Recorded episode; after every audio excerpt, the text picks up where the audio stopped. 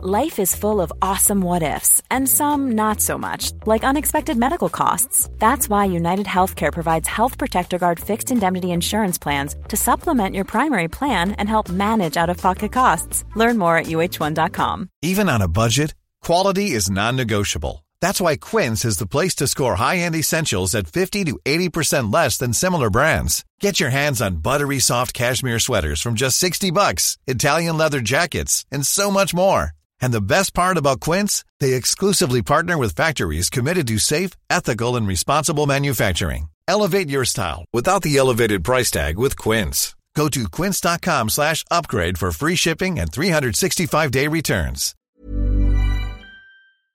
Hallå! Simon Gärdenfors heter jag och snart börjar min podcast Arkivsamtal. Min senaste singel, Jag längtar tills du blir ful, som jag släppt under artistnamnet Simon G, finns nu på Spotify. Den ligger just nu tvåa på Viral 50-listan i Sverige, så det är ju svinkul. Så gå in och lyssna på den. Och snart så ger jag mig ut på stand-up-turné tillsammans med Anton Magnusson, som kan vara Sveriges roligaste komiker. Och vi kör var sin föreställning samma kväll på turnén. Vesslan och Benne heter våra shower och i november och december så kommer vi till Göteborg, Jönköping, Helsingborg, Stockholm, Linköping, Kalmar, Kristianstad, Malmö och Växjö. I vissa städer så är biljetterna nästan slut redan så passa på och boka i god tid. Jag har också en hel del andra lösa gig i landet, bland annat i Norrköping, Västerås, Karlstad, Sumpan och Motala. Och alla mina gig kan ni hitta på min blogg. Gardenfors.se Nu är det bara en dag kvar tills Arkivsamtals Patreon-deadline. Men vi är väldigt nära målet nu, så in och supporta på patreon.com arkivsamtal. Lite konstigt uttalat där, men det ska vara patreon.com arkivsamtal. Eh, och om ni vill undvika paus i utgivningen så gå in och donera en dollar eller två eller tre per avsnitt. Tack som fan till alla ni som är Patreons. Svinschysst säger jag om det. Men nu kommer Arkivsamtal. Mycket nöje.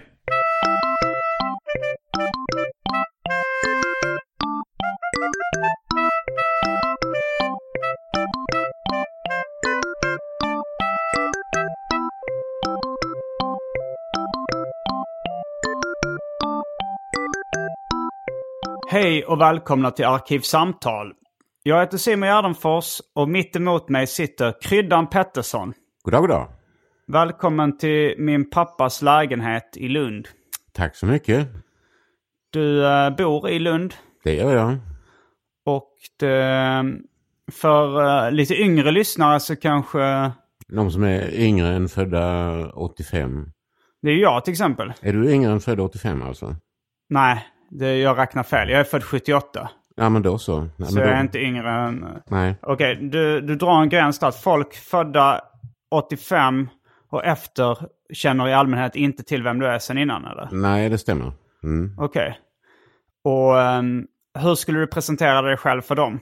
Om de säger så här, varför, varför kom den här uh, killen i keps som är född 78 fram på uh, Tröls i Malmö och ville ta ett foto med dig? Gjorde du det? Ja, jag gjorde det en gång faktiskt. Okej. Jaha. Men det kanske, det är, det, det är vardagsmat för dig fortfarande att folk går fram och tar selfies? Och ja, det blir ju mer och mer sällsynt. Mm. Uh, men uh, ja, på gott och ont. Men det... Um... Ah, då ska vi se. Det måste ha varit då Tröls. Alltså det måste ha varit hösten 2014 eller hösten 2016. Är det så sällan? Ja, jag bor ju i Lund. Jag åker, okay. inte, åker inte in till Malmö för att gå på Tröls. Men Nej. Tröls ligger ganska nära Nöjesteatern. Ja, ja, just det. Så det var därför som jag, alltså, ja. Jag var... du, du, spelade någonting på Nöjesteatern då eller? Eh, hösten 2014 så var jag med i någonting som heter Jobba för två. Mm. Med bland andra Sven Melander och Anders Jansson. Och eh, förra hösten, alltså 2016, så var jag med i en fars som heter Rakt ner i fickan. Mm. Med eh, Allan Svensson, Karina Lidbom, paret eh, Rydberg, alltså Robert och Birgitta och brodern Kalle Rydberg och så Fritte, Lotta och jag. Mm. Och Niklas Jönsson för de yngre lyssnarna. Och Stina Eriksson. jag, jag, vet inte, jag är inte de yngre lyssnarna men jag vet inte vem Niklas Jönsson är. Då har du inte så mycket anknytning till Lund mer än att din pappa har lägenhet här. Nej, jag, det, jag har inte bott eh, i Lund på 18 år kanske. Eh, Niklas Jönsson är eh, Lundaspexare eh, och han eh, agerade i, regisserade och var med och skrev den här jubileumsrevyn Arma Mater. Som, ja, som, Som är en, känd i Lund. känd i Lund. Ja. Okej. Och känd i Vimmerby. Eftersom han brukar medverka i Astrid Lindgrens Värld. Men om vi tar det tillbaks till, du träffar en person född efter 1985 som frågar dig, varför tog den där killen i caps en selfie med dig just? Ja, då säger jag fråga din farfar. Eh, Men uh, okej, du, du undviker frågan. Nej, det gör jag inte. Alltså då, då eh, ja, jag har varit med i tv en del, fast det är rätt länge sedan. Och, ungefär så brukar jag säga. Ja, det var, när jag var liten eh, så var du kanske mest känd för Helt apropå. Ja, Ett uh, humorprogram, satirprogram. Där eh, du, Stellan Sundahl och Fritte Friberg. ja. Var det någon mer som var i den fasta ensemblen? Lotta Torell och Elisabeth Banke. Ni, vad var det för sorts program? Vad, hade, vad var liksom programbeskrivningen? Eller fick ni en beställning från SVT? Eh, ja, alltså det, det började 84 med att vi gjorde ett, eh, alltså då, då fanns det ett program som sändes från Malmö som hette Två timmar. Väldigt fantasifullt. Eh, Var programmet två timmar? Ja, det kan man ju då sluta, sluta sig till. Det var en fredagsunderhållning sådär för hela familjen. Med alltså korsord, eh, intervjuer, artistuppträdande och, eh, eh, och så skulle det vara en liten aktuell revy på 15 minuter. Och det var Anders Albin som satt i den här redaktionen och som var ansvarig för den här lilla aktuella revyn. Och den döptes till Apropå. Aha. Och sen så fick vi en fråga om vi inte ville göra en fristående serie. Sex program, en halvtimme. Okej. Eh, Det ville vi ju. Så att då eh, gick vi från 15 minuter apropå till 30 minuter helt apropå. Okej. I korthet gick det till så. Och det programmet, eh, utifrån sett så blev det väl liksom ditt stora genombrott? Eh, Det får man nog kalla det för. Jag hade varit med lite grann i några program som Stellan och Gunnar hade gjort tidigare. Alltså Stellan Sundahl och Gunnar Bernstrup. Men eh, nej, helt apropå var väl det, ja det får man säga. Att det var genombrott, ja. Eh, jag börjar bli lite törstig, så jag tror vi på ett ganska tidigt stadium kastar oss in på det omåttligt populära inslaget Välj drycken.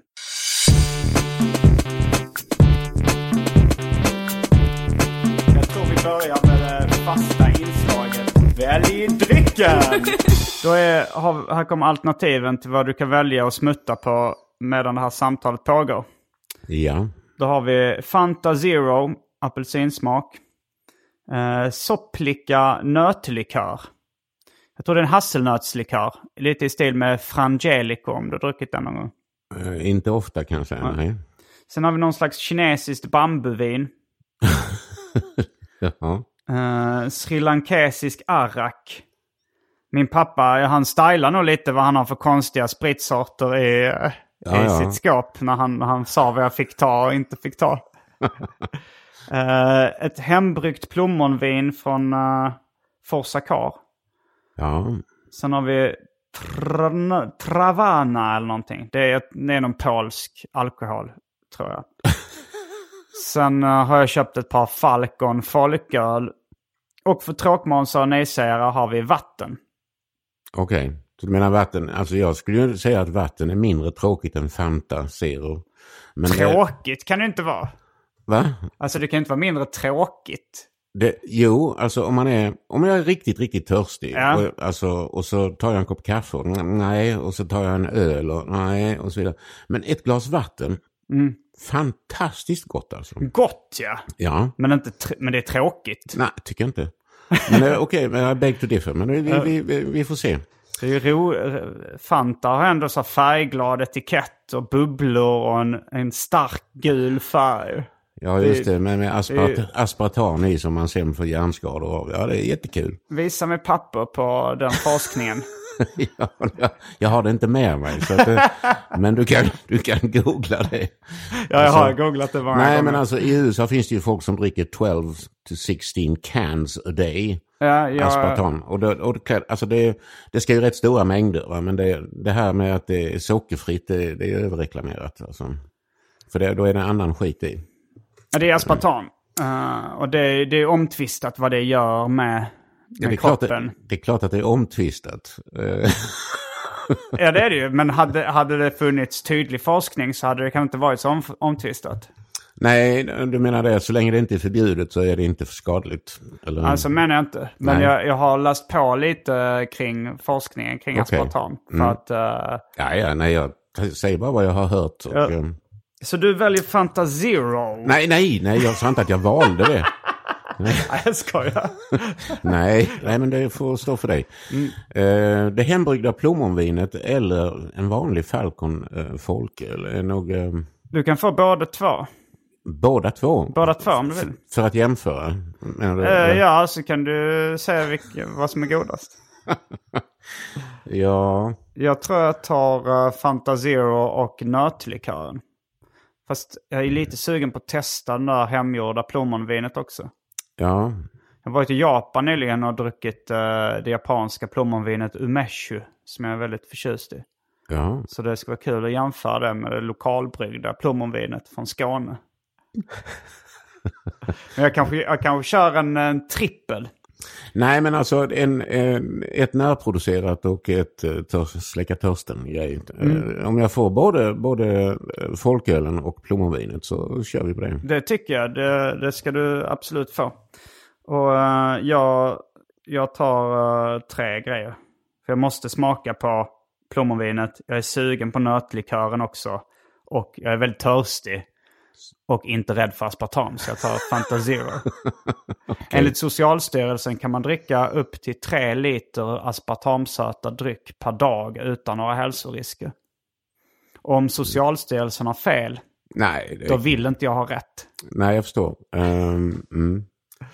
Då är vi strax tillbaks med dryckerna, kända från det omåttligt populära inslaget Välj drycken. Häng med!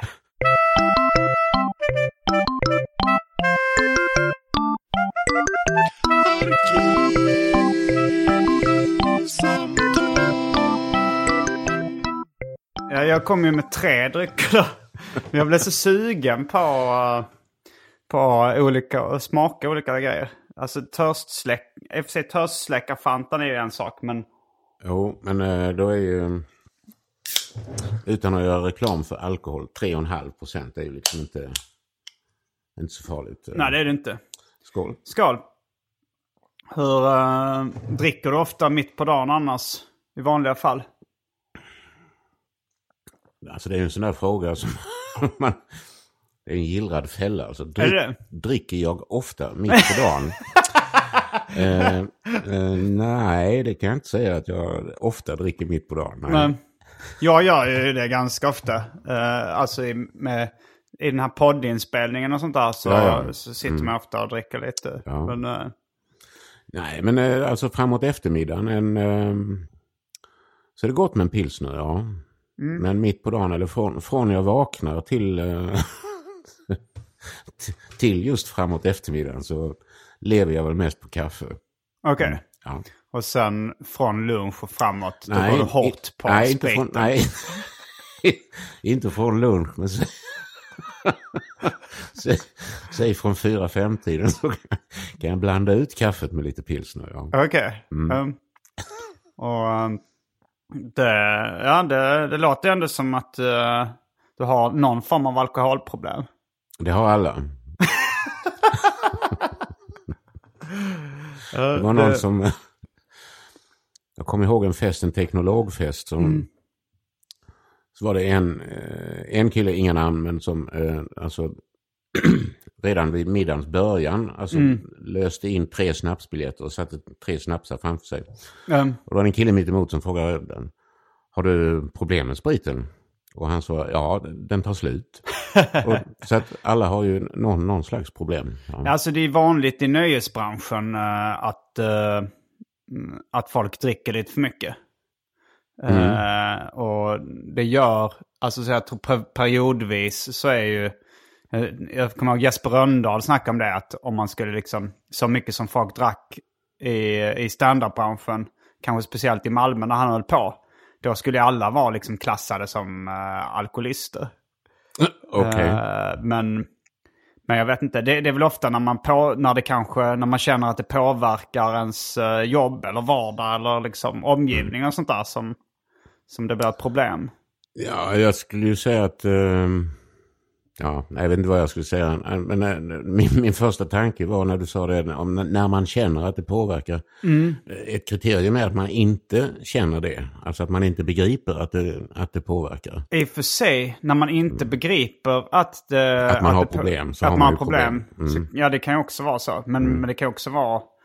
eh, det kan man kan ju också begripa att man har problem, och att, men, man, eh, men att man kanske aldrig har tagit tag i dem riktigt. Eh, ja, Mm. K- kanske det. Var, var ligger du på den här skalan? ja, oj oj oj, klassa sig själv. Ja. Ja, jag ligger väl någonstans mellan, mellan måttlighetsbrukare och, eh, och lite mer brukare. Mm. Eh, alltså, ja ungefär så. Har du någon gång känt att det varit ett problem? Alltså alkohol eller jag vet inte om du har sysslat med någon annan berusningsform? Nej, det, Ja, det känns som, alltså i nöjesbranschen eh, nu för tiden är det ju en del knark och sånt där. Det kan inte vara lika vanligt på din tid. Men... nej, alltså det, eh, om vi, ja, vad ska jag säga? Eh, 80-talet lär det i och för sig varit rätt mycket kokain. Men... Ja, men det var nog eh, mest i, alltså, det här kan ju vara en fördom, men jag tror att det var mest i Stockholm. Alltså det här med Stureplansprofiler och så vidare. Ja. Alltså, eh, och vi, jag kommer ihåg att vi drev med eh, lite kända personer som hade lite, kanske lite mycket vitt i näsan. Eh, och så. I tv-programmet i Helt apropå. Ja.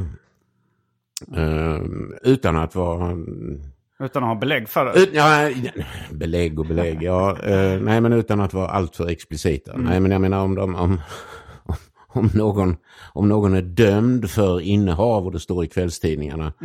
Eh, så visserligen ljuger kvällstidningarna friskt, men, men så friskt ljuger de inte så att de... Vilka, vilka namn?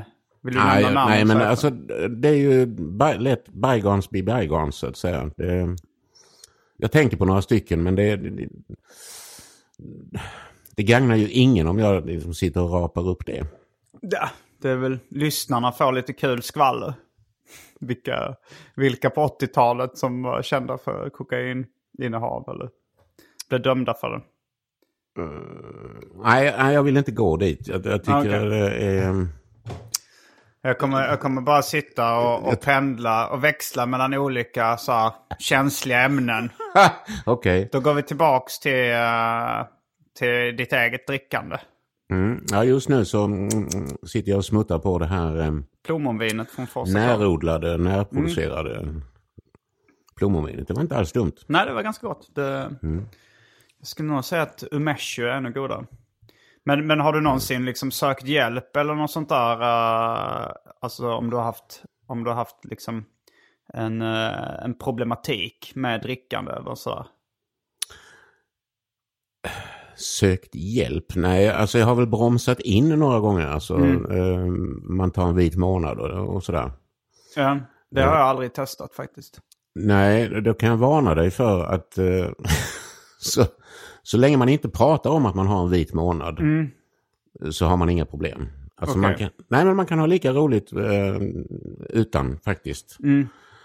Eh, men det är när, alltså om, om man går på en middag Ja, om man häller Ramlösa i ett snapsglas eh, och sjunger med i snapsvisor. Eh, Då ska man helst säga att ah, jag ska upp tidigt imorgon eller "Ah, jag ska köra. Och, alltså du ska ha någonting att skylla på. I samma ögonblick som du säger jag har en vit månad. Jaha, har du problem? och sen får man sen får man prata om det hela kvällen. Alltså, eh, alltså det finns en eh, det finns en rädsla hos väldigt många att de kanske har, alltså de, de, de vill gärna, eh, om, man, om de misstänker att de har problem själva så vill de gärna att någon annan ska ha lite större problem. ja, ja. Eh, För då kan man känna sig lite duktig. Mm, mm. Så att ungefär där. Nej, Sen men- kan man ju säga att framåt, eh, framåt eh, 10, halv 11 på kvällen så kan man gå hem. För att eh, då, då säger folk samma sak om och om igen. Det märker man inte om man själv har druckit. Nej. Att, Att folk upprepar att folk upprepar och upprepar och upprepar. Och det blir så jävla tradigt. så att då, då kan man lika gärna gå hem. Hur var det... eh, hur var den perioden? Alltså hur många år var den här perioden när, uh, liksom helt apropå, var som mest i ropet? När det var, alltså det var, måste väl varit ett av de populäraste tv-programmen under 80-talet? Ja, vi hade både, alltså det fanns ju då någonting som, alltså det pu- publicerades varje vecka någonting, tittartoppen, alltså där det var publiksiffror och betyg. Eh, Och vi hade, som många har påpekat, medielandskapet såg ju annorlunda ut. Va? Det fanns Jo, ja. eh, TV1 och TV2. Eh, och sen under tiden som vi jobbade så kom trean och fyran. mm, Eh, men SVT var ju helt dominerande. eh, Och det fanns bara två kanaler. Och vi låg oftast, oftast, alltså vi hade sändningar, någon serie gick fredagar, någon serie gick lördagar. Men oftast hade vi tiden efter Rapport på söndagskvällen. Eh, och då, då hade vi så att säga, då hade vi ju medvind av att då satt folk och såg på nyheterna. Och sen kom vi efter där. ja, så det, det var liksom en riktigt stor del av Sveriges befolkning som kollade på er regelbundet. Ja, regelbundet så hade vi ju uh, siffror. ehm, om vi säger regelbundet någonstans kring tre, kanske fyra miljoner.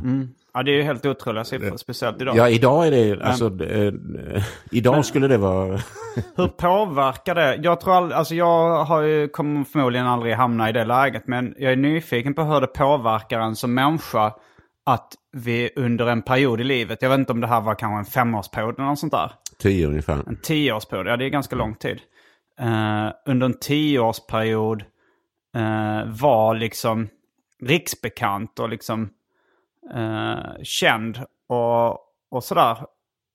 Eh, och sen kanske den, det, det måste ju, som du sa så hade det fejdat ut lite att folk som är födda efter 85 eh, känner inte till det på samma sätt som, Nej. som jag och min generation. Men jag, men jag undrar lite vad det alltså har du... Det, man kan ju inte bara gå helt obe, alltså, oberörd förbi en sån situation. Hur tror du att det har påverkat dig? Ja, alltså det är ju svårt att säga som, alltså, Alltså är det som... ja, påverkat mig. Alltså det, eh, man tycker ju det är oftast roligt. Alltså, eh, så länge man är, är igenkänd för någonting som folk uppfattar som positivt. Mm. Så är det ju trevligt. Eh, men jag tänkte, jag tänkte att det, det skulle nästan kunna vara så här som att, att man, att man, för man måste få så mycket kickar, liksom så mycket bekräftelse från den, den här liksom perioden. Ja, Att det är nästan som att gå in i ett heroinmissbruk och sen tända av från det. Eh, det, det är bara så jag skulle gissa att jag hade upplevt det. Men jag undrar om det är så, om det var så för, för dig. Alltså den här fejden har ju, eh, eller äh, fejden. Uttoningen eller vad man ska säga. Fade låter som som en konflikt. Ja, jag upptäckte det just när jag sa det. Nej, men den här fade out så att säga, Ja. den, den pågick ju under ett antal år. Det var inte så väldigt abrupt. Alltså, Nej. alltså det, sista vi gjorde som grupp tillsammans var någonting som heter Döda danskar räknas inte. Hösten 94. Var det alla fem då? Eh, nej, då hade Elisabeth flyttat till USA. Men eh, då var vi... Men det, det var inte bara vi, vi fyra, utan det var ett helt gäng. Alltså vi, det var åtta eller nio fasta roller. Varav till exempel Micke Nyqvist var med i en roll. Men Stellan Sundahl var med då? Ja, Vilket år var det han dog? Han dog 99, 99? Jag tror jag- 22 februari. 22 februari. Hur var det han dog? Han dog hemma i sängen av en aneurysm, alltså en blodkärlsbristning i hjärnan. Mhm. Och det var, det var bara helt... eh, han, det, det var ingen som kunde förutse det? Eller han hade inte varit sjuk Nej, innan? alltså det är det som är kännetecknande för aneurysmer. Att du, det finns liksom inga varningstecken. Du har en försvagad kärlvägg i hjärnan. Mm. Eh, och det, det är sånt man inte vet. Men Så att, eh, var det, var det en jobbig period för dig när han dog? ja, alltså vi, vi jobbade ju inte ihop. Vi var fortfarande alltså, goda vänner. Mm. Alltså det var ju som att förlora vilken god vän som helst. Ja. Eh, eller ja, inte, inte riktigt därför att dels, vi hade ju jobbat ihop länge. Mm.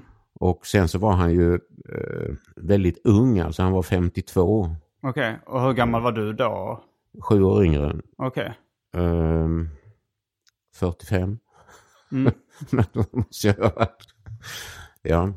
Nej men vi skulle precis flytta till USA då så att det, det Du och din familj, eller? ja. Eh, vad, hur ser din familjesituation ut? Hur den såg ut eller hur den ser ut. Eh, vi kan börja med hur den såg ut. Gift med två barn. Okej, och nu Eh, och nu eh, särbo. särbo. Särbo. Mm. Med, med en annan En person. annan, med en annan person ja. Uh, Okej. Eh, men, men den, så ni, ni gjorde liksom, ni gjorde, er, du och Stellan och ett annat gäng gjorde liksom er sista grej ihop innan han dog. Och sen, eh, sen så efter det så har den här uh, fade-outen liksom gått successivt. Eller Ja. du, ja, du är, ju, du är ju aktiv fortfarande. Du har ju varit med i, du nämnde ju lite liksom revyer och Ja. eh, eh, sånt som eh, eh, fortfarande då.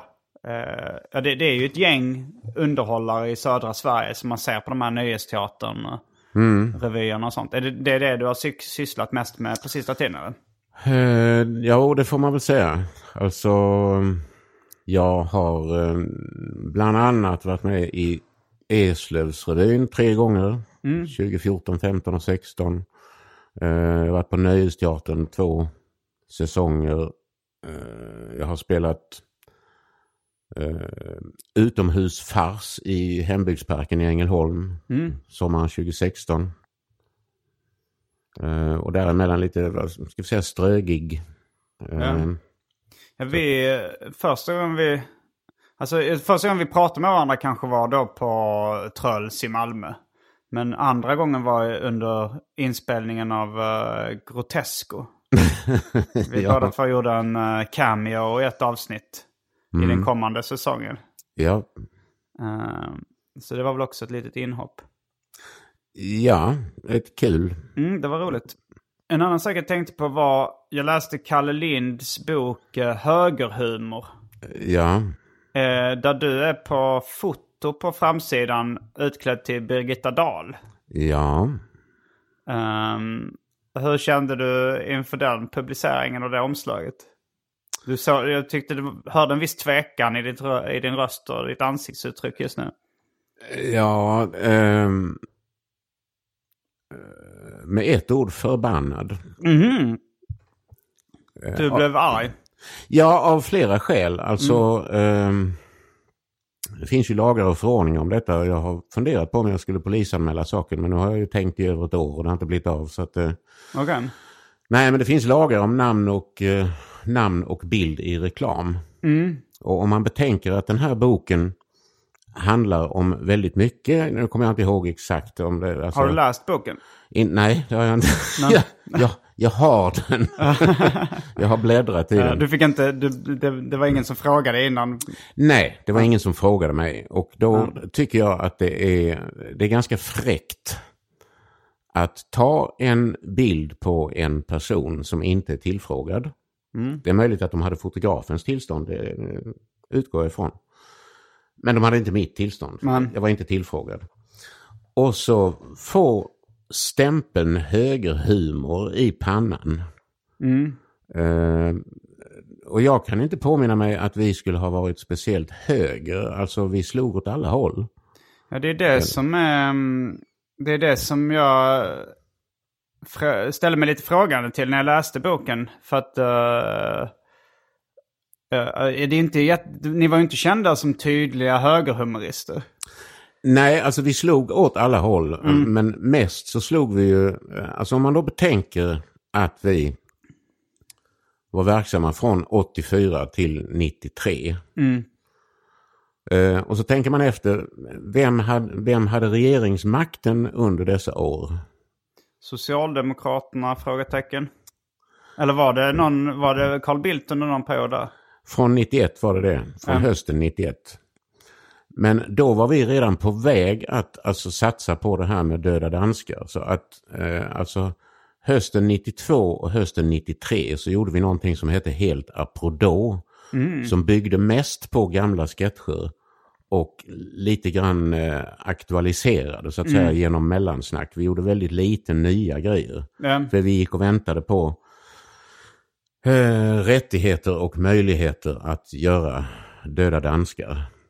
Eh, som alltså var, om vi ska ta hela historien så var det så att vi eh, reste regelbundet till London, vi träffade kollegor där och eh, bland annat så hade då Anders Albin en idé om att man, eftersom det är oerhört arbetskrävande att skriva sketcher.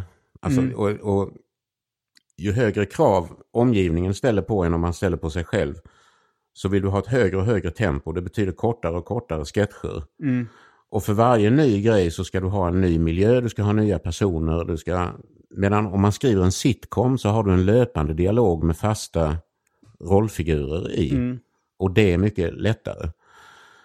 Ehm, för att ersättningen är densamma per minut skrivet Ja. material.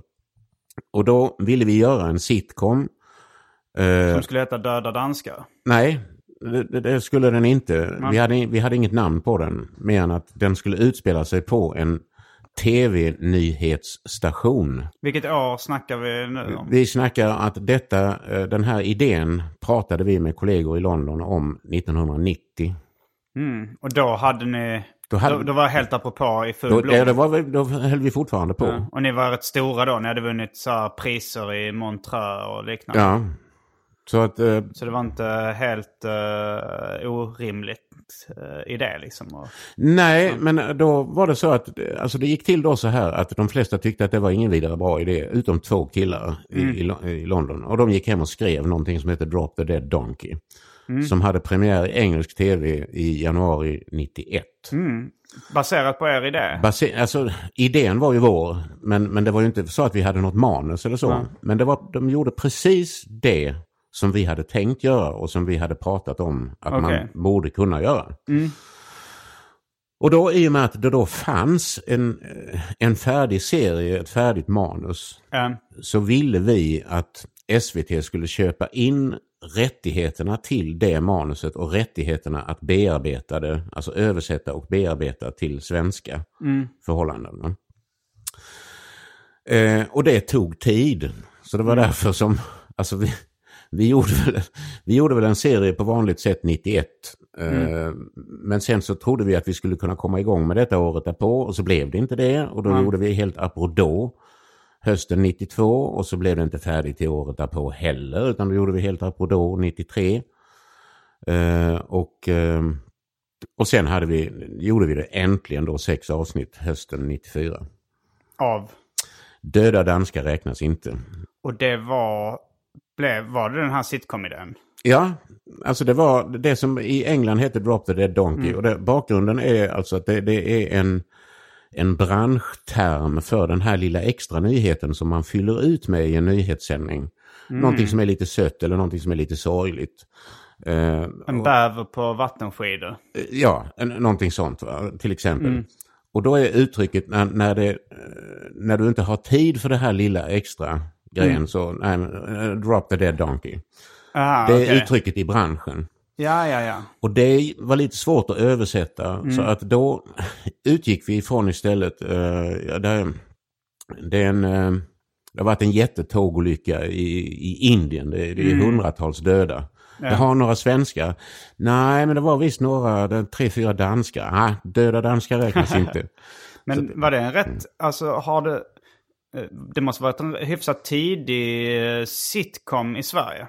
Alltså för sitcom-formatet i Sverige vet jag inte riktigt. Eh, Rena rama Rolf till exempel var väl en sitcom. Men, Ja, men den var väl efter det. Eller jag kommer inte ihåg. jag kan inte riktigt placera detta i tiden. Men, ehm, alltså jag vet ju när vi gjorde vår, men vi... Men vad hade det här att göra? Vi var inne på högerhumor för, och din reaktion kring... Eh, Nej, jag menar det att, alltså, att vi, vi drev med allt och alla. ja. Eh, men mestadels så sparkar man ju uppåt. Eh, Och högst upp sitter regeringen.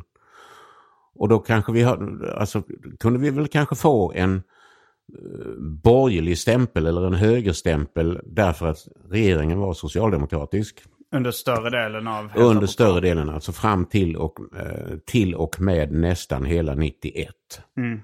Ehm, och då, gick, då hade vi ju redan, alltså när, när, när vi väl fick en borgerlig regering, så alltså vi hade drivit med de borgerliga partierna också förut.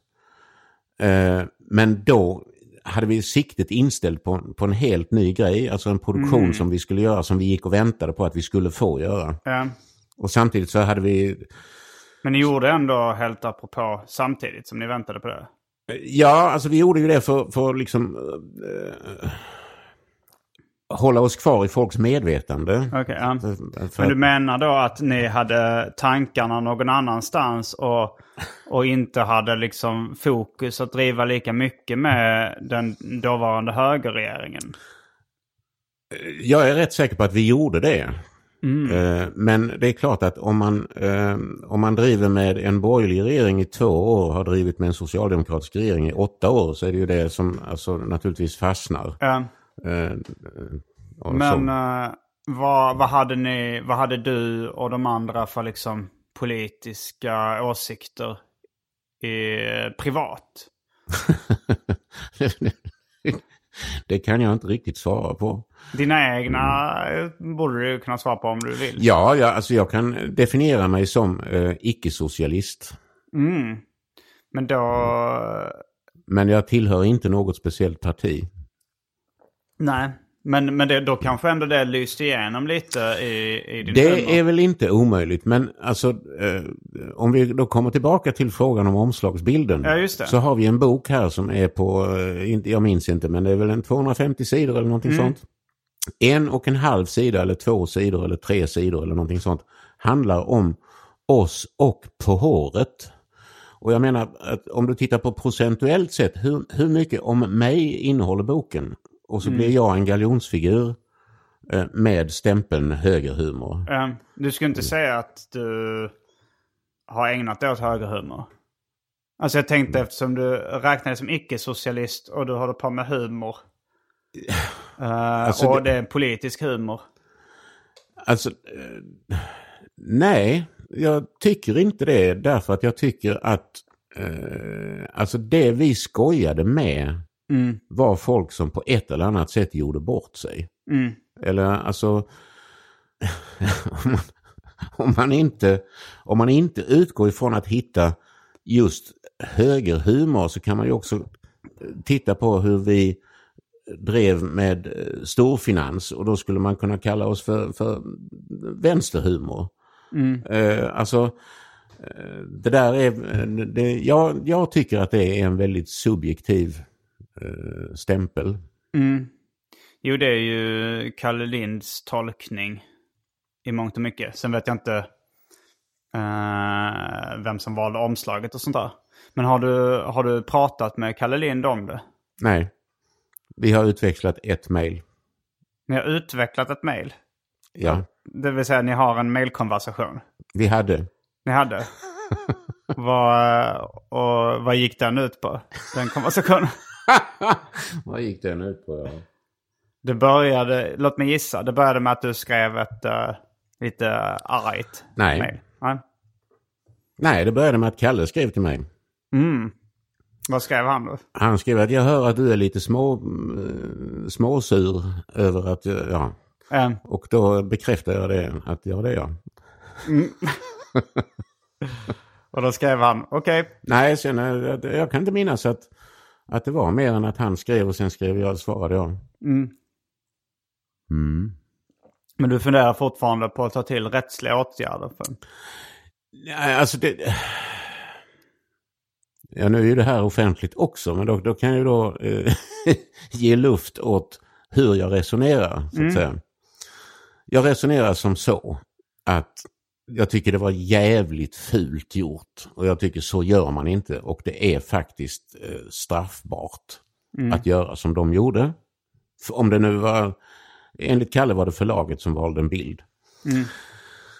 Och det kan jag väl tro på. Eh, men eh, om man, man vidtar rättsliga åtgärder så kan man ju då bli ansedd som eh, jävligt snarstucken och småsint och, och den. Eh, och det vill man ju inte. Alltså man vill inte... Det är en liten lose-lose situation. Ja, alltså det, vad vinner jag på detta? Förmodligen ingenting. så att eh, det är lika bra. Liksom, då, är det, då får man ju istället knyta handen i fickan och så svälja förtreten så att säga. Mm. You should celebrate yourself every day, but some days you should celebrate with jewelry. Whether you want to commemorate an unforgettable moment or just bring some added sparkle to your collection, Blue Nile can offer you expert guidance and a wide assortment of jewelry of the highest quality at the best price. Go to BlueNile.com today and experience the ease and convenience of shopping Blue Nile, the original online jeweler since 1999. That's BlueNile.com. BlueNile.com. Hey, I'm Ryan Reynolds. Recently, I asked Mint Mobile's legal team if big wireless companies are allowed to raise prices due to inflation. They said yes. And then when I asked if raising prices technically violates those onerous two year contracts, they said, What the f are you talking about, you insane Hollywood ass? So to recap, we're cutting the price of Mint Unlimited from $30 a month to just $15 a month. Give it a try at mintmobile.com slash switch. $45 up front for three months plus taxes and fees. Promo for new customers for limited time. Unlimited more than 40 gigabytes per month. Slows. Full terms at mintmobile.com. Hey, it's Paige DeSorbo from Giggly Squad. High quality fashion without the price tag. Say hello to Quince. I'm snagging high-end essentials like cozy cashmere sweaters, sleek leather jackets, fine jewelry, and so much more. With Quince being 50 to 80% less than similar brands. And they partner with factories that prioritize safe, ethical, and responsible manufacturing. I love that. Luxury quality within reach. Go to quince.com slash style to get free shipping and 365-day returns on your next order. quince.com slash style. När, uh, jag kommer ihåg min pappa sa, uh, han, då, vi är i min pappas lägenhet nu. Mm. Han bor här i Lund också. Och ni har träffats vid något tillfälle tidigare. Ja.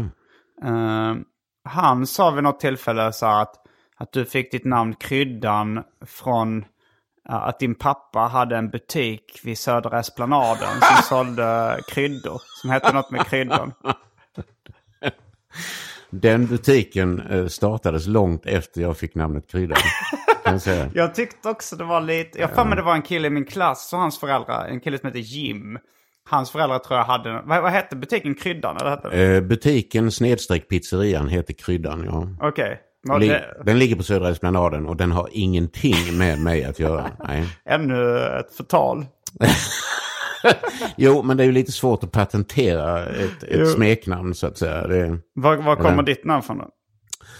Eh, den roligaste förklaringen jag har hört var av um, ehm, Lili Öst som uh, gjorde en krog... Vem sa du?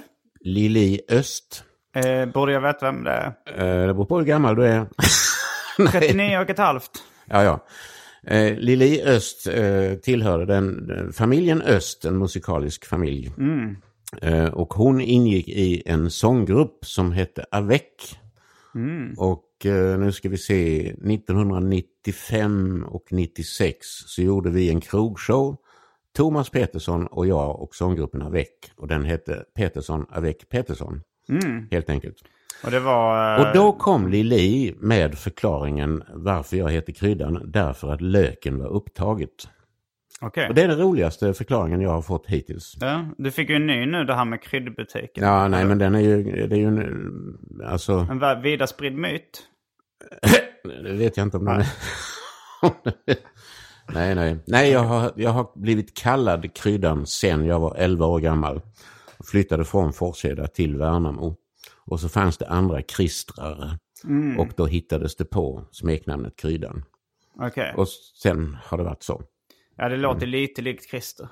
Men, eh, det, men det var inte, hade inget att göra med alltså, så att du hade en kryddstark personlighet. Inte vid 11 års ålder, det kan jag inte säga.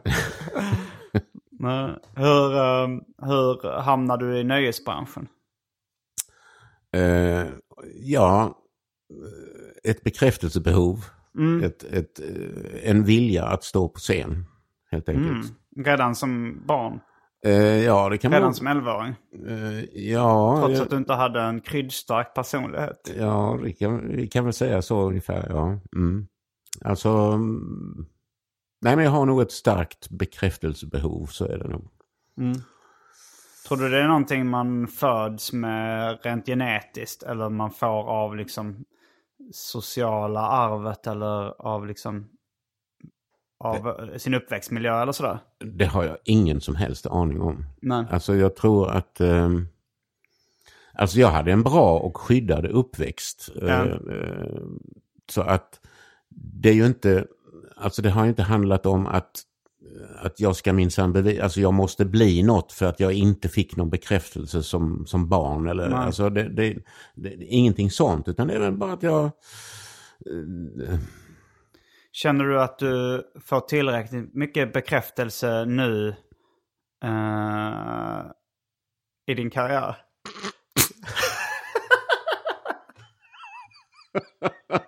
Nej!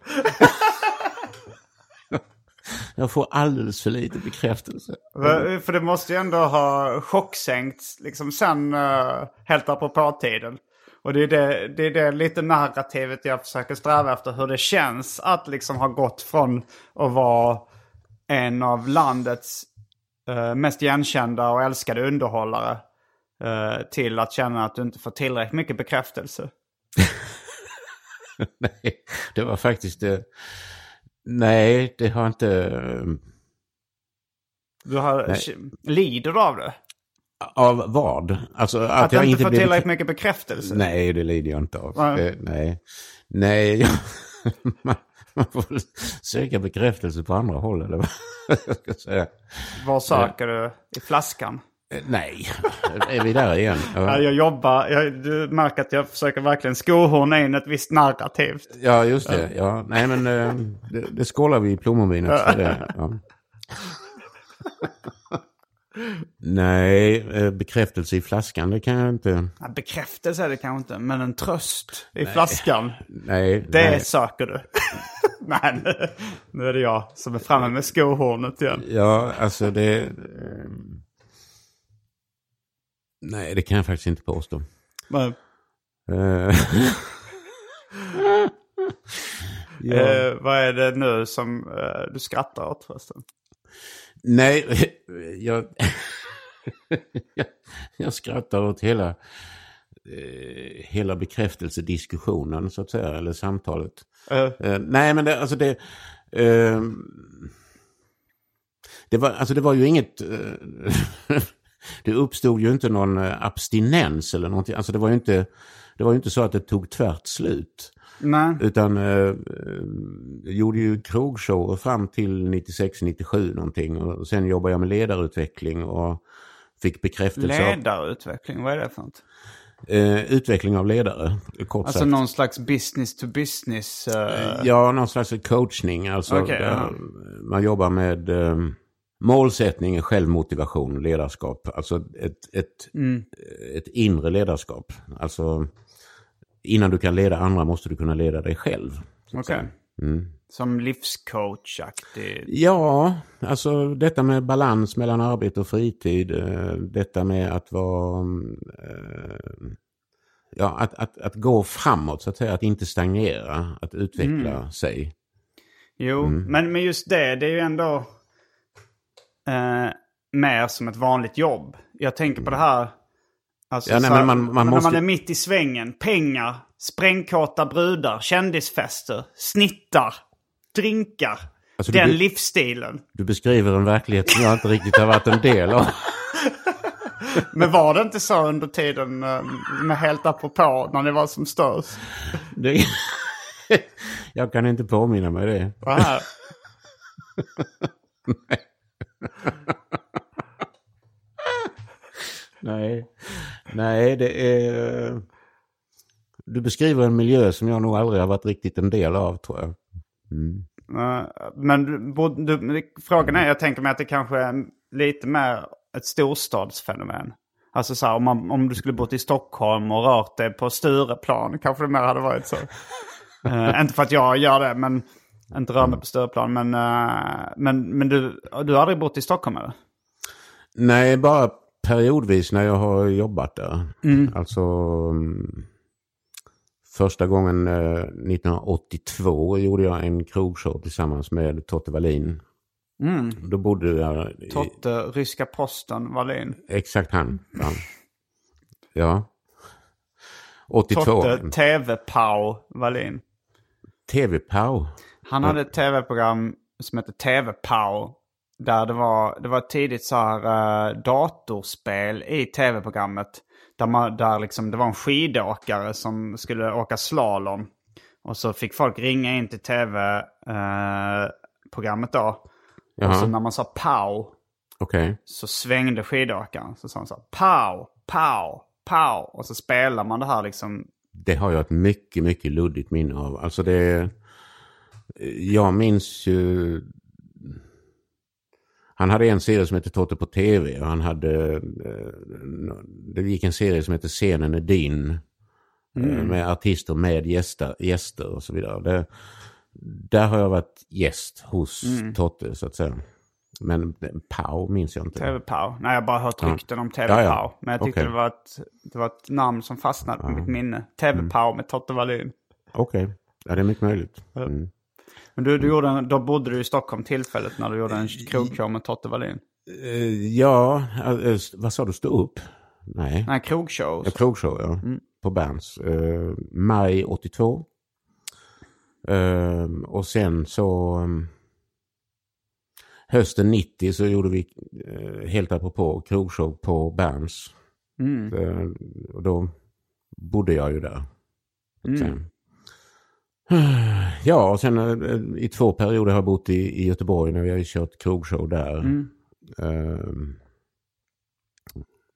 ja. Men du har aldrig testat stå upp, som vi nämnde nu i förbifarten. Eh, testat har jag ju gjort va.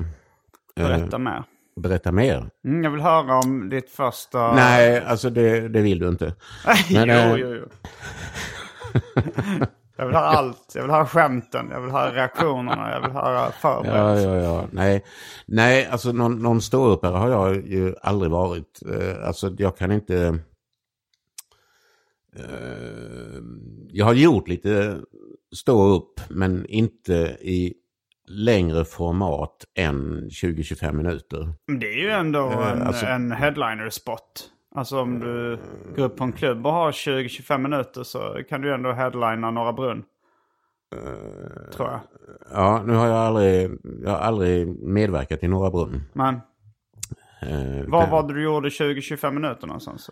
Lite överallt, alltså på eh, alltså firmafester, eh, eh, pubbar. Alltså där, jag fick, jag fick en gång, ska vi se, det var efter USA-tiden. Och Då, alltså syns man inte så finns man inte. Så Efter jag, USA-tiden? nej men jag, jag bodde i Chicago i två och ett halvt år. Mm, vad gjorde du där? Jag var hemmapappa. Mm, din dåvarande... Min dåvarande fru, mina barns mor, jobbar för Tetra Pak. Okej, Och, eh, så i två och ett halvt år bodde vi i Chicago. vilket år var det? 99 till 01. Okej. Ah, intressant. Ja. Men då, då märker man ju alltså eh, att man eh, inte finns längre så att säga när, när vi kom tillbaka. Nej men det var därför jag räknade före och efter USA så att säga. Men eh, BC. ja, before, Before Chicago. Chicago. and after, Chi- ja just det. jo. Mm, så det finns ett sån, du har en tydlig brytpunkt där när du flyttade dit i två och ett halvt år, sen kom tillbaks. Bortglömd. Eh, Ja, just det. Sökte din tröst i flaskan. Jag sökte min tröst i Rosengård. Ja, du flyttat till Rosengård då? Nej, men jag var lärarvikarie i Rosengård. Okej. Mm. Det var eh, ett av mina första jobb efter hem, eller tillbakakomsten eller vad man ska kalla det för. Ehm, Mm. Eh, men det var tydligt, men så, försökte du slå dig in i nöjesbranschen igen när du kom tillbaks? Eller? Alltså, jag vet inte riktigt hur man gör det, hur man slår sig in. Alltså, eh, Ja, ett sätt är ju att börja med stand-up comedy, vilket, vi, vilket är en tråd nu vi Ja, ska släppa ut. ja, Berätta, berätta hela din stand-up-karriär. jag, jag minns den inte riktigt. Alltså det jag minns var, det var ett möte med, eh, eh, alltså eh, agenter, impresarier, eh, managers, någonting. Eh, där man presenterar möjliga program så att säga. Så, ja. Och då gjorde jag en stand-up och det, är- alltså det är mitt första... Du gjorde en stand-up som en, någon slags audition för tv Ja, just det. Alltså, det, detta finns på marknaden så att säga. Ja. Eh, och då var det en pub i Kristianstad som bokade mig. Eh, och eh, dagen innan så ringer den här pubinnehavaren och säger du, eh, vi har sålt två biljetter i förköp. Okej, säger jag. vill du, eh, eh, du vill ställa in, anar jag. Ja, det hade varit skönt. Ja, så du, du kan riva kontraktet. Alltså det blir, inte, det blir inte bra för dig, det blir inte roligt för mig, det blir inte roligt för de två som sitter. så att, så att eh, vi skiter i det. Och- Men det var väl inte hela din stand-up-karriär? Det Jo, den tog slut där. Du hade förberett lite och du hade gjort lite inför någon agent liksom. Ja, just det. Ja. Men, men uppträdde du aldrig live inför någon publik som ståuppkomiker? Jo, alltså det har jag ju gjort eh, av och till. Va? Men det är ju liksom inte... Jag kan inte påstå att det är... Att jag, är jag kan inte kalla mig ståuppare riktigt, Nej. tycker jag. Jag Nej, är, jag är aktör. Jag vill inte kalla mig skådespelare, men... Eh, eh, utan, alltså... Stå på scen, spela in film, i tv, alltså det... Mm. Vad gör du nu, just nu då? Vad jobbar du med just nu? Just nu försöker jag få folk att titta på Happy Street Web Series. Som är en minideckare med Marianne Mörk och mig med flera. Som ligger ute på nätet. Alltså det Vem har producerat den? Vem har... Tiny Lumberjack film. Okej, och du är skådis där i... Jag är kommissar kommissarie Persson och Marianne Mörk är kommissarie Hansson. Och det är en webb-tv-serie alltså? Ja, Och det är det... eh, alltså den är inspelad och färdig. Okej. Så det, det, jag, det jag ägnar mig åt just nu är väl att försöka få folk att titta på den. kan man säga. Hur försörjer du dig för tillfället? Små påhugg och pension. Ja, du är pensionär. Ja. Eh, och, och små påhugg, det är alltså små uppdrag. Ja, alltså här och där. Det, eh, nej, men det, det som jag började säga var ju... Eh, eh, alltså tiden efter USA, om vi säger så. Eh, då var jag...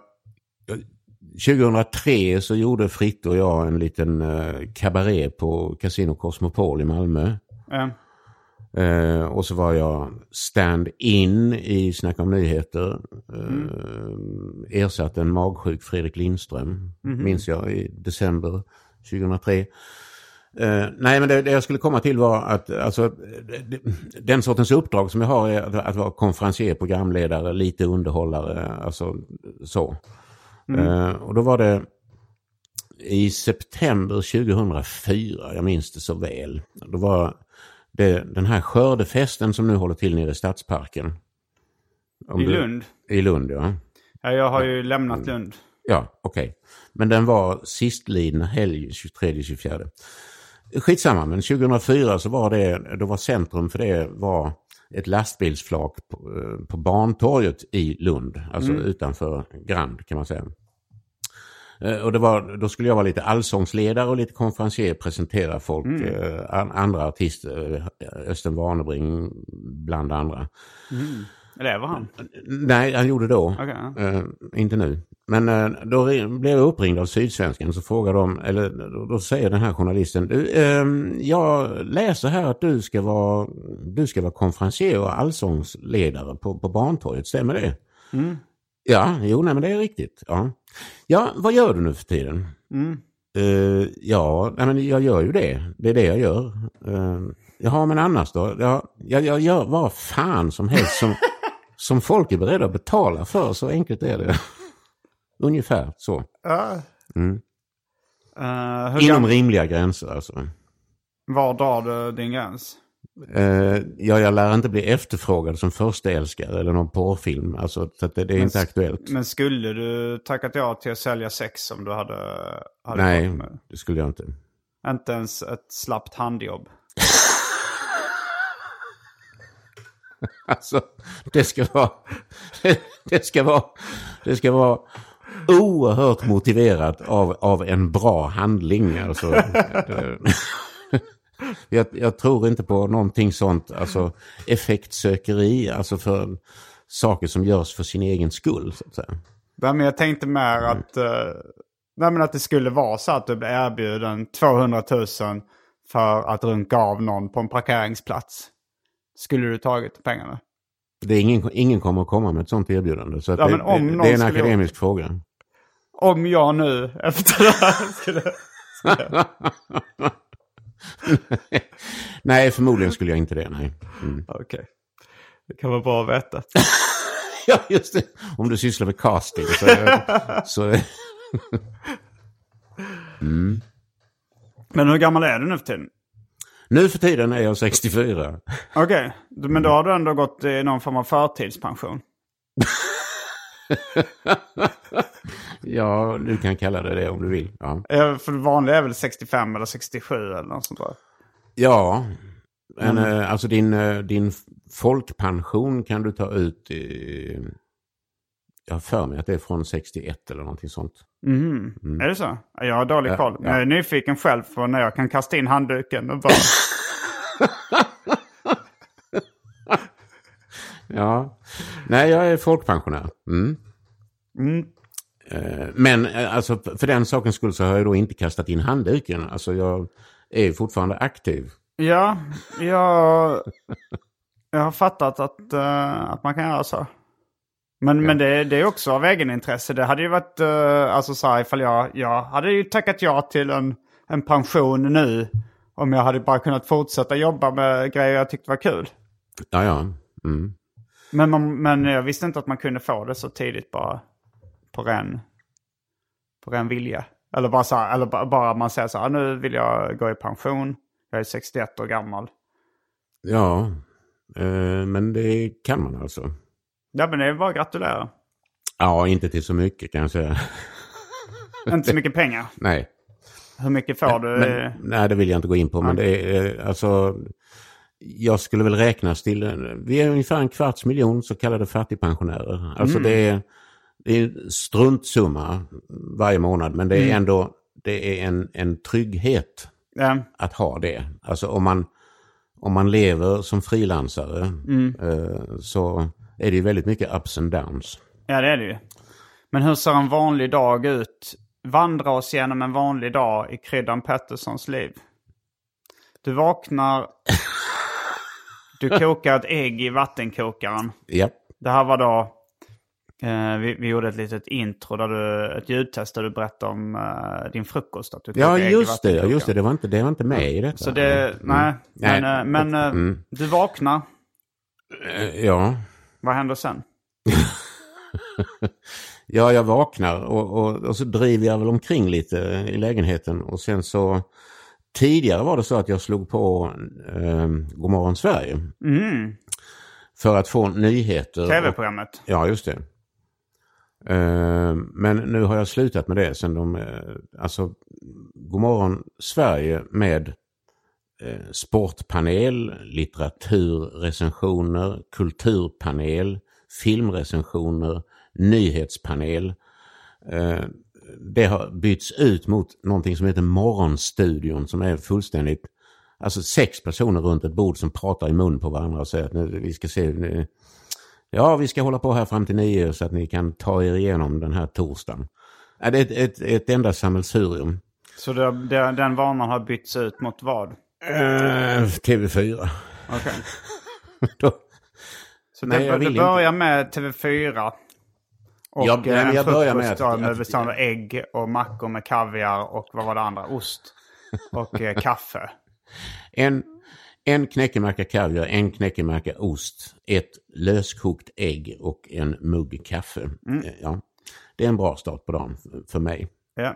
Mm. Och vad händer sen i ditt liv? Eh, Ja, alltså sen ägnar jag väl mig åt min, eh, alltså diverse korrespondens. Man kollar sin mail, man tittar vad som har hänt på Facebook. Eh, Man försöker vara något sån här disciplinerad och skriva lite. Vad skriver du då? Skämt eller? Ja, alltså det vill jag väl inte riktigt... Jag tränar mig i att skriva helt enkelt. Mm. Eh, vi behöver inte... Jag vill inte utveckla det. Alltså, det, det är inte så att jag... jag kommer inte håll- pressa dig till saker du egentligen inte Det är vill. inte så att jag, att jag håller på att skriva mina memoarer. Det är inte så att jag håller på att eh, tro att jag ska skriva den, den ultimata fantastiska romanen eller någonting sånt. Den jag, Men. Men. Eh, eh, you use it or you lose it. Alltså man får skriva. Alltså skriver lite larviga sångtexter, skriver lite, försöker skriva lite sketcher, försöker, eh, ja.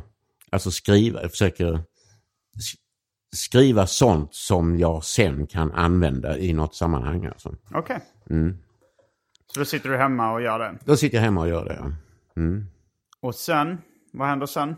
Eh, ja, alltså när jag har styr på min självdisciplin så, så springer jag en runda. Springer en runda? Okej.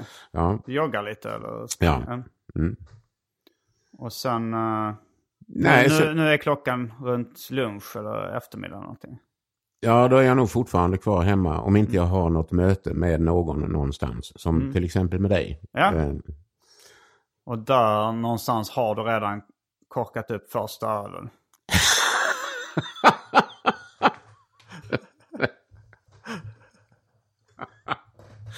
nej. Ja, du sa inte innan lunch, men någon gång. Nej, jag sa alltså eftermiddag kväll. Alltså att, Okej. jag, att eh, när... Är du ute på lokal då ofta eller är det hemma? Ja, alltså jag sitter inte och krökar hemma men jag, alltså man, man går en sväng i stan och så eh, träffar man någon som man känner så kan man sätta sig ner och ta en pilsner. Och sen går man hem igen. Det låter trevligt. Ja, eh, det är det ju. Det är, pil- pilsner är gott alltså. Ja, det, det smakar gott. Ska se, jag funderar på att um, åka in till Malmö ikväll och uppträda på Hängbar. Det vara kanske dit jag skulle. Har jag läst någonting om det? Eller nej? Annars så kanske vi kan ta en, eh, en pilsner. kan vi absolut göra. Eh, Vad, vad, är, vad är klockan? Jag har ju fått stänga av min mobil. Så att jag klockan är vet inte. 16.25. Ja, nej men då är det acceptabelt. Mm, det är det. Ja. Du drar din gräns vid lunch. Nej, som jag sa, jag drar, jag drar gränsen vid eftermiddag. Eftermiddag. Alltså, jag, jag- tänker jag- att eftermiddagen börjar efter lunch. Ja, jag förstår hur du menar, men alltså... ehm, nej, jag tycker runt 4-5 någonting. Alltså, mm. Fyra, fem öl. Nej, runt 4-5 tiden. Nej, jag skojar. Hur många öl blir det ungefär på en dag? Eller hur många enheter alkohol? En vanlig... Det blir i allmänhet eh, två. Två? Ja, alltså, jag, jag erkänner gärna detta att, Mm. att gå ut och ta en öl Okej. innebär sällan att man tar en öl. Ja, det gör det ju sällan. Det händer, Men två händer. är ju ganska sällan också. Borde Ja. du också kunna erkänna. Två, ah, tre. Men aldrig Mm. mer än tre. Nej, ibland fyra, fem. Nej, faktiskt inte. Okej, det är bara tre. Nej, då är, det, då, är, alltså, då är det ju fest. Okej. Alltså, det är någonting helt annat. Och hur ofta är det fest? Någon gång i månaden kanske. Mm. Oj, så Alltså, sällan. Ja, alltså det... det händer inte så mycket i mitt liv. Nej, jag tycker ändå... Alltså, det, ditt liv påminner ändå väldigt mycket om mitt liv, skulle jag säga. Det här med att skri- sitta och skriva lite grejer. Ja, Dricka lite öl ibland. ja. Eh, ja, jag kan, jag kan relatera. Mm. Men, eh, men, ja, men det var inte så mycket att dricka en två, tre öl när det inte är fest. Jo, men om du gör det, alltså som du nu, eh, som du nu framställer saken, om man liksom dricker, om, om man har det som en daglig rutin Ja. att dricka två, tre öl varje eftermiddag, Ja. då är det lite mycket. Jo, det, Det, tycker känns danskt. Ja. Det känns danskt. Ja, är man i Danmark så kan det ju bli en lille en också. Alltså. Mm. Men då är det fest. Då är det fest om du, tar, om du går på de starkare varorna. Ja, absolut. Men eh, då vet jag vad jag har att vänta mig i livet.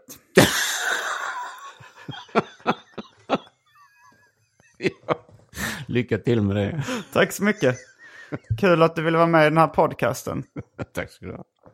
Eh, Det var allt eh, för den här veckan av Arkivsamtal. Jag heter Simon Gärdenfors. Och jag heter Kryddan Petersson. Fullbordat samtal.